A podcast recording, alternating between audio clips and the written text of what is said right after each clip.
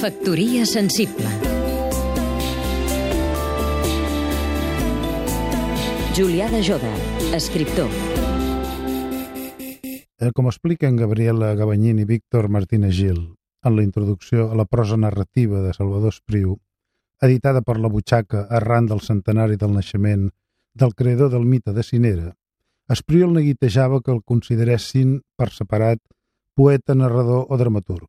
Ell, en canvi, afirmava que els gèneres literaris no eren en si mateixos definidors, sinó vasos comunicants d'una obra que es volia total. No és estrany, doncs, que imatges, conceptes, temes i personatges apareixin tant en les seves obres en prosa com en els seus poemes i en obres de teatre com Primera història d'Ester, per no esmentar la summa de tot plegat que representa Ronda de mort a Cinera, una creació dramatúrgica de Ricard Salvat a partir de l'obra sencera de Salvador Espriu.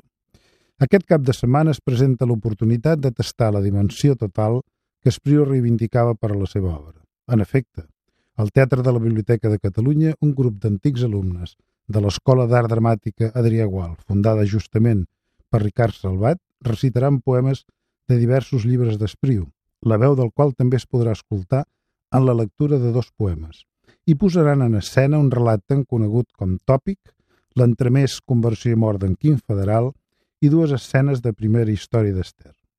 Ja ho sabeu, doncs, el preu serà mòdic, no hi miolaran gats i fins i tot s'hi podran sentir trèmolos de violoncel. Factoria sensible Seguim-nos també a catradio.cat